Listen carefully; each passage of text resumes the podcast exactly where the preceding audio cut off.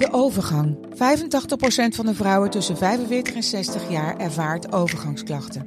Klachten die kunnen leiden tot een verkeerde diagnose of langdurige arbeidsongeschiktheid. Wat kun je doen als je overgangsklachten ervaart? Hoe maak je dit bespreekbaar op je werk? En als jouw medewerker bij jou komt, wat kun je als werkgever dan doen? Sector Instituut Transport en Logistiek heeft een kennisplatform ontwikkeld waar jij terecht kunt voor tips en adviezen.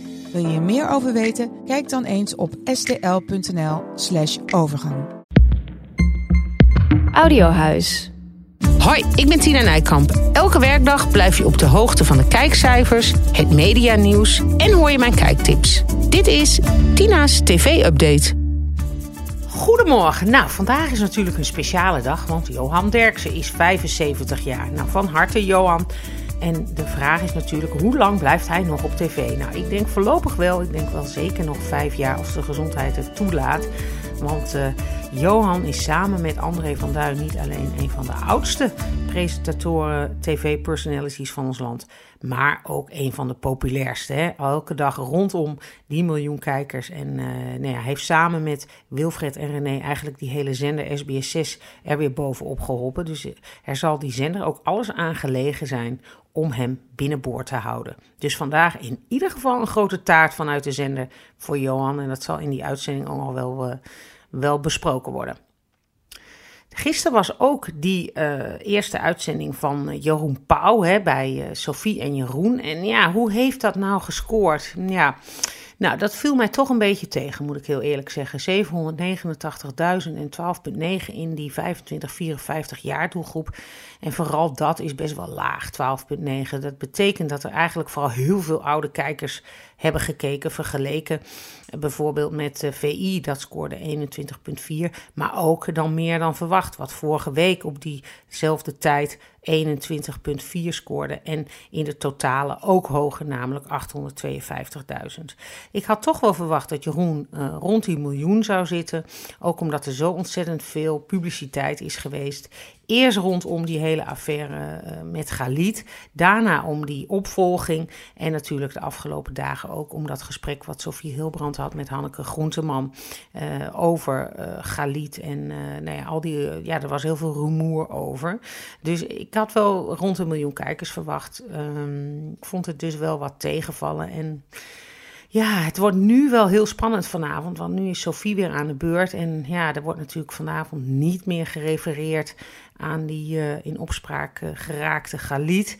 En nu uh, gaat het echt alleen om de inhoud en niet meer om de sensatie. Dus we zullen zien wat het dan gaat doen, maar ik ben er een beetje bang voor dat het niet heel goed gaat scoren. Nou, wie ook de hele tijd in het nieuws is, uh, is Theo Maassen. Dat is natuurlijk die andere NPO-rel, uh, een van de vele. Um, de privé komt vandaag weer met een, nog een stuk daarover. Nou, ook daar is veel rumoer over, hè, want Johan Derksen vindt dat, dat het een privézaak is. Nou, de VPRO die houdt eigenlijk zijn mond dicht, die zegt niks. Nou, Theo ook. Maar ik denk toch wel dat het steeds nijpender wordt om toch wel wat te gaan zeggen, zeker als VPRO zijn. Want wat is het standpunt? Hè? Want um, gaat Theo door? Wat wil Theo zelf?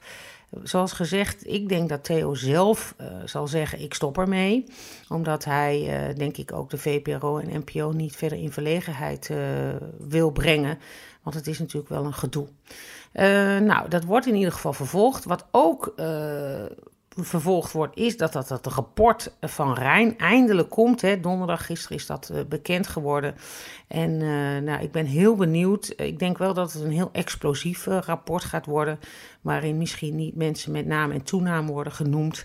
Maar ik denk wel dat daar ja, toch wel mensen te. Ja, dat gevoel heb ik dat er toch wel heel veel uit gaat komen, explosief.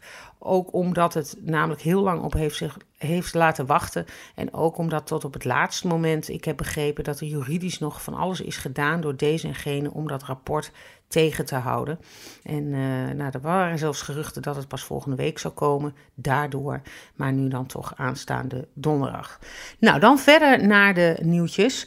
Um, gisteren, vannacht eigenlijk, zijn in uh, New Orleans de Real Screen Awards uitgereikt. Nou, de Real Screen Summit is een soort ja, grote tv-beurs, een soort MIPCOM. En uh, daar was Nederland, viel daar in de prijzen. Want de verraders heeft daar de prijs gewonnen van beste nieuwe format. Nou, dat is toch wel weer heel erg leuk. Het is al de zoveelste prijs voor de verraders. Zoals ik gisteren al zei, het verovert echt de hele wereld. In uh, Engeland bij de BBC had het record kijkcijfers. Nou, hier begint volgende week weer een uh, nieuw seizoen voor een paar weken. Dus nou, heel spannend allemaal, maar weer opnieuw succes voor de verraders. The Voice was ook genomineerd in een andere categorie. Beste studio format, die heeft niet gewonnen, dat format. Die prijs ging naar The Mask Singer. The Mask Singer was sowieso wel eigenlijk een van de grote prijswinnaars daar, want die wonnen nog een andere award, de Excellence Award. En um, That's My Jam, wat hier in Nederland op NPO 3 wordt uitgezonden, uh, won ook een prijs in de categorie quiz en spelshow. Uh, dus dat is hartstikke leuk. Wat heel uh, opvallend is, is dat daar de producent van de Augurkenkoning en van Denken aan Holland een best wel een grote rol had op die beurs. Hij uh, zat in een commissie waar, uh, en er werden allemaal, Amerikanen gingen allemaal programma-ideeën aan hem pitchen. En hij moest dan beslissen of hij dat een heel leuk idee vond of niet. Dus dat vond ik wel uh, heel opvallend. Roy Aalderink heet hij. En hij is natuurlijk in Nederland uh, steeds succesvoller aan het worden met onder andere die Augurkenkoning. Verder nieuwtje wat ik zag, wat ik opvallend vond, is dat ze bij Op1, een programma wat toch bijna afloopt, nog steeds uh, opnieuw een politiek redacteur zoeken. nou, dat kan natuurlijk, want ja, mensen komen en gaan bij banen. Maar wel opvallend is, is dat daar met geen woord werd gerept over het feit dat het om een tijdelijk contract gaat. Dus uh, ze zoeken daar een politiek redacteur, maar er werd net van uitgegaan of dat nog een jarenlange uh, vacature is. Dus wat er aan de hand is, weet ik niet. Er is sowieso heel veel aan de hand bij het op één. Want ze hebben al die dagen weer omgegooid. Hè? Want uh, EO heeft nu veel minder uitzenddagen dan uh, WNL. WNL heeft opeens drie uitzenddagen. Twee ene week en de andere week drie. En de EO, EO eigenlijk maar één de ene week en de andere week twee. Nou, heel gek. En Thijs van der Brink doet dus die vrijdaguitzending helemaal niet meer. Dus daar is van alles weer aan de hand. Hoe dat precies zit, uh, weet ik niet, maar uh, ja, nou goed, we gaan het afwachten hoe dat verder afloopt. Dan is er in Amerika een, uh, wordt er een serie ontwikkeld voor Fox. Dat is een hele grote zender daar. En dat heet Going Dutch. Nou, grappig, Going Dutch. Hè? Dat is een hele bekende uitdrukking. Dat wil eigenlijk zeggen dat je als je een rekening hebt, dat je hem split in tweeën hè, bij een diner.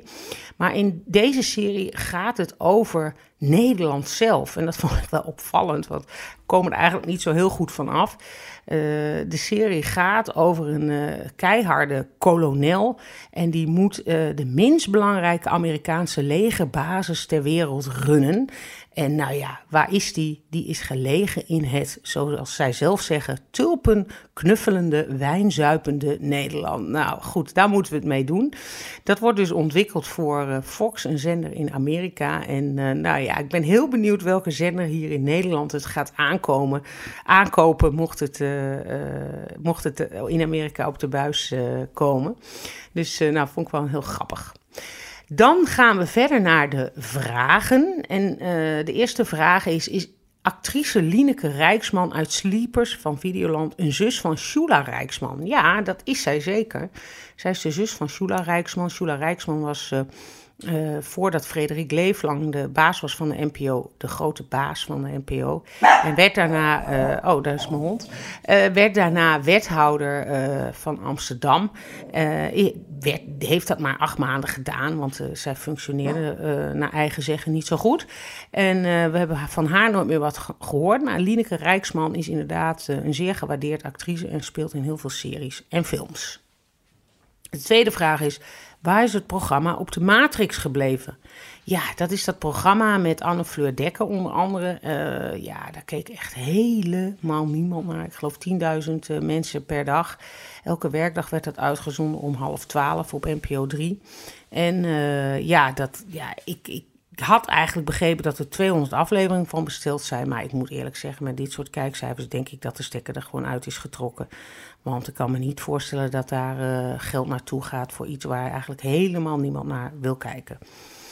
Dan de volgende vraag is: komt Upside Down nog terug voor een tweede seizoen? Nou, dat denk ik eerlijk gezegd niet. Upside Down is dat speelprogramma gebaseerd op die eigenlijk dat museum volgens mij van Ananushin, waar alles op zijn kop hangt. Ed Zonder presenteerde dat. Het zou op RTL 4 komen, is naar Videoland gedegradeerd. Want het paste zogenaamd zo goed bij Videoland. Maar goed, ja, dat is natuurlijk niet voor niks dat het op Videoland komt.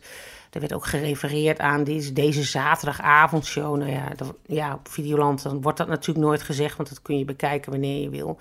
Ja, dus het heeft uh, alles inzicht dat uh, RTL daar gewoon helemaal niet tevreden over was. Dus ik denk helemaal niet dat dat ooit terugkomt uh, voor een tweede seizoen. En de vraag is natuurlijk wel, wat gaat Edson de Graça nog meer doen naast de floor en naast dat jurylidmaatschap in Hollands Got Talent? Want volgens mij heeft hij nog wel wat tijd over, want de floor is natuurlijk ook in een weekje opgenomen, want het is gewoon twee afleveringen per dag of zo. Dus nou, ik ben benieuwd waar hij nog verder mee komt dit jaar. Nou, dat was het al ongeveer. Dan heb ik nog de kijktip. Nou, vanavond is natuurlijk die start hè, van het verhaal van Nederland. Het verhaal van Oranje Nassau, door, gepresenteerd door Daan Schuurmans. Nou, ik verwacht daar hele hoge kijkcijfers van. Ik heb er zelf ook heel veel zin om, in om naar te kijken. Ik zag de promo, het ziet er fantastisch uit. Uh, volgens mij is dat echt, echt een kijktip. Um, en morgen weten we natuurlijk weer de kijkcijfers.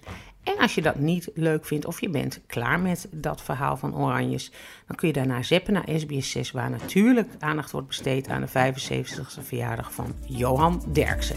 Dat was het voor vandaag. Hele fijne dag en uh, tot snel. Dit was Tina's TV-update. Heb jij nou ook een vraag? Stuur me een berichtje via Tina Nijkamp op Instagram. Tot morgen!